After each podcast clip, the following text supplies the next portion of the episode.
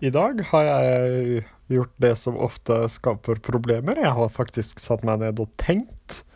Og når jeg tenker, det er da problemene som oftest begynner. Mitt navn er Daniel, og dette er Mentalitetsboden.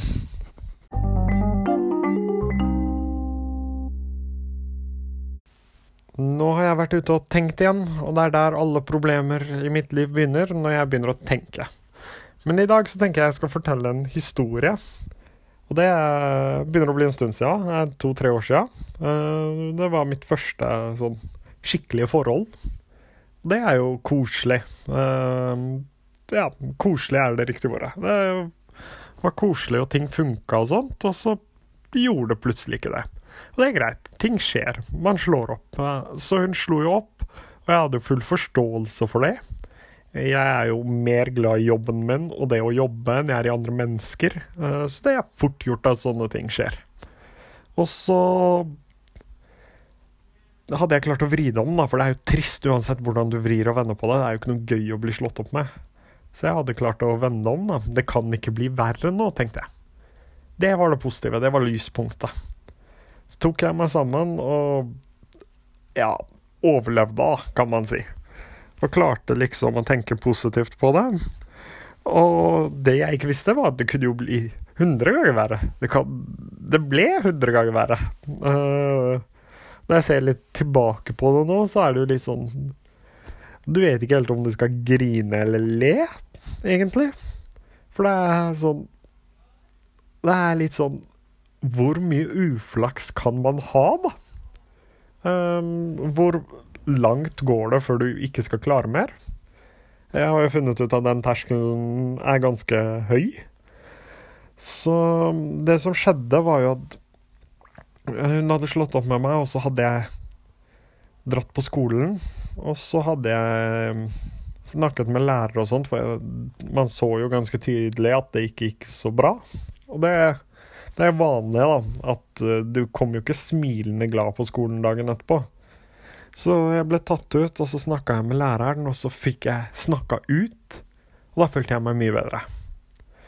Og så var det en sånn artikkel som drev og gikk rundt eh, dagen før og den dagen, og det var liksom 'Jente savnet i Ålesund'. Uh, ikke tok jeg meg bryet med å lese artikkelen, uh, og brydde meg egentlig fint lite, da. Så satt jeg, det var vel litt friminutt, så sto jeg og snakka med kompisene mine. Um, så kommer en fyr bort til meg, en klassekamerat, en god kompis egentlig, og sier at ja, de har søkt opp hun jenta som har forsvunnet. Og jeg hadde visst henne på Facebook. Jeg tenker jo ikke noe mer på det, jeg har jo ganske mange Facebook-venner. Helt til han sier navnet, da, og jeg finner ut av det òg, ja, det var jo en av mine beste Aller beste venner. Og hun har forsvunnet. Og min første tanke der og da var liksom Ja, hun er borte. Hun er gone for good. Og så Og så Ja, tenkte liksom hun er gone. Hun har orket ikke mer. Og, og så klarer jeg på en måte å ta meg selv inn igjen, da. Og det er mange i klassen som sier at nei da, det her går bra, hun har sikkert bare rømt hjemmefra. Så jeg klarer å ta meg selv inn igjen, og så er jeg sosiologi. Så i sosiologitimen så har vi gruppearbeid, da. Jeg bruker jo hele det gruppearbeidet på å sitte med en gjeng og snakke om det som har skjedd. Så har jeg matte i timen etterpå. Da har vi en sånn fem minutters pause fra den ene læreren går ut til den andre kommer. Da kommer det fra bakerst i klasserommet den jenta som er forsvunnet, er nå funnet død. Og det er liksom der alt bare blacker ut. Løper ut. Mm, og tårene kommer, og ting er bare vondt. Og du vet egentlig ikke helt hvor du skal gjøre av deg. Jeg ser meg liksom rundt i gangen på skolen.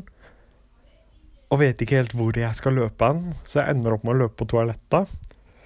Flaks for meg så var det jo en lærer som kjente meg ganske godt, som vi skulle ha i den timen.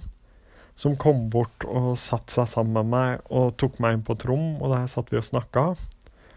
Og det var fullstendig og helt blackout. Husker egentlig ikke så altfor mye av det. Jeg husker bare det sinnet. Og den følelsen av hva har skjedd nå? Så det ender jo med at pappa må komme og hente meg på skolen, og som 17 år gammel gutt så er det ikke noe gøy å bli henta på skolen av faren sin. Men må man, så må man. Um, jeg reiser hjem, og det er der jeg begynner å huske, da, i bilen. Så husker jeg at jeg klarte ikke helt å tro på det. da. I mine øyne så var hun ikke borte. Og så kommer jeg hjem går ned på toalettet. Um, og så skrur jeg på musikken, for jeg skal i dusjen. Og den første sangen som kommer, min, min flaks selvfølgelig, da. Jeg trykker bare på play, og da kommer If I Die Young. Og når jeg hører den sangen, så presser tårene skikkelig på. Og jeg må bare løpe opp til pappa og begynner å gråte og gråte og gråte. Og det var så forferdelig tungt. Og så forsvinner liksom tårene, og jeg har fått det ut. Og så er det som ingenting har skjedd igjen. Så går jeg på skolen dagen etterpå. Møter jo opp en og en halv time for sent um, til fransktimen. Og jeg brydde meg så fint lite. Men jeg møter jo opp for sent. Um, kommer inn i fransken. Vi var bare ni elever. Og det sekundet jeg kommer inn, ser jeg alle blikkene bare vender seg mot meg. Og jeg ser medlidenheten i øynene på dem, da. Og det var på en måte en blandet følelse. Det var godt å vite at du hadde folk rundt deg, og det var godt å vite at de brydde seg. Men samtidig så vil du bare være i fred. Du er ikke i humør for å svare på spørsmålene til folk, og du er ikke i humør til å tenke mer på det. Du vil bare leve i din egen lille boble. Det er ikke nødvendigvis en bra ting, men akkurat der og da så var det jo det jeg ville. Um, og det var Det hadde fortsatt ikke gått opp for meg da, at uh, hun var borte. Hun var gone. Det var ikke noe mer jeg kunne gjøre med det. Så jeg hadde Det føltes bare sånn på en måte av og på. da, Av og til så visste jeg at hun var borte. Andre ganger så var det som om hun fortsatt var der. Og i neste time så har jeg jo prøve. Og da husker jeg at uh, læreren kom bort til meg, læreren vi hadde i den timen, og sa at jeg kunne slippe. Men jeg er jo sta, da. Alle som kjenner meg, vet jo at jeg er sta. Så jeg skal jo ha den prøven, og jeg skal ha den akkurat samtidig som alle andre. Og jeg har prøven, og det ender jo med toppkarakter. Og hele tanken der, det som gjorde det så mye lettere, var at var å vite at jeg nekta å gi meg. nå. Jeg skulle fortsatt ha den prøven. Jeg skulle fortsatt få toppkarakter. Ingenting hadde endret seg. Um, og det, det jeg har lært av å miste noen, eller ja, vi kan si miste noen, da, som står deg nær, er at selv om de ikke er her, så går livet videre, på en måte. Du kan ikke stoppe klokka helt. Og du skal alltid huske, det har jeg alltid sagt til meg selv, at du skal aldri glemme. Og så handler det om å gjøre det om til noe positivt, da. For meg så ble det at jeg personlig, og det er mye ansvar, det vet jeg jo, men jeg personlig skulle sørge for at ingen andre opplevde det jeg opplevde. At ingen andre skulle miste noen på den måten, da. Og i senere tid Nå går det jo for så vidt veldig bra. Uh, man har jo opp- og ned-dager, men uh, alt i alt så går det jo veldig bra. Og i senere tid så har det vært en viktig faktor for at jeg får til det jeg får til. At jeg tenker uansett hvor sliten eller tung ting er, så motiverer jeg meg med at jeg har en oppgave, og jeg har en jobb og jeg er nødt til å gjøre den jobben. Og jeg mener oppriktig at det verste du kan gjøre når du er deppa eller trist, er å slutte å gjøre dagligdagse oppgaver som møte opp på skole eller møte opp på jobb. For det er når systemene i livet og strukturen i livet ditt forsvinner, det er da det begynner å gå virkelig galt. Og det, det tror jeg virkelig på. Jeg tror det er det som har gjort at jeg er der jeg er i dag. glad og lykkelig, og selv med et par tunge dager, så er ting alt i alt veldig bra. Det er at jeg aldri har gitt meg. Og det er på en måte også lærerikt, da. Eller gode erfaringer å ha med seg, blir riktigere å si. Å miste noen på den måten. Du lærer deg mye bedre hvordan du skal takle det, og også lærer du mye om deg selv og hvordan du reagerer. Og det tror jeg er viktig å ha med seg, da. Og ikke se mørkt på alt.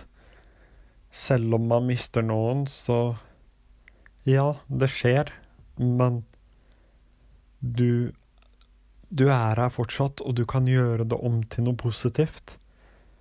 Og selv om det er ufattelig vanskelig, og egentlig høres dumt ut når jeg sier det, så er det veldig viktig å prøve å gjøre det om til noe positivt, og prøve å tenke at ja, men nå skal jeg gjøre det jeg kan her og nå.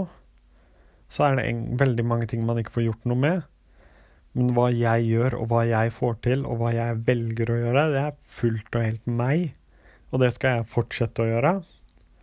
Og så må man bare stå i det. Så går det over etter hvert, da. Det gjør det jo. Så nei, jeg tror jeg har lært mye av det. Uh, og jeg tror Jeg tror det å beholde strukturen i hverdagen sin er veldig viktig. Uansett.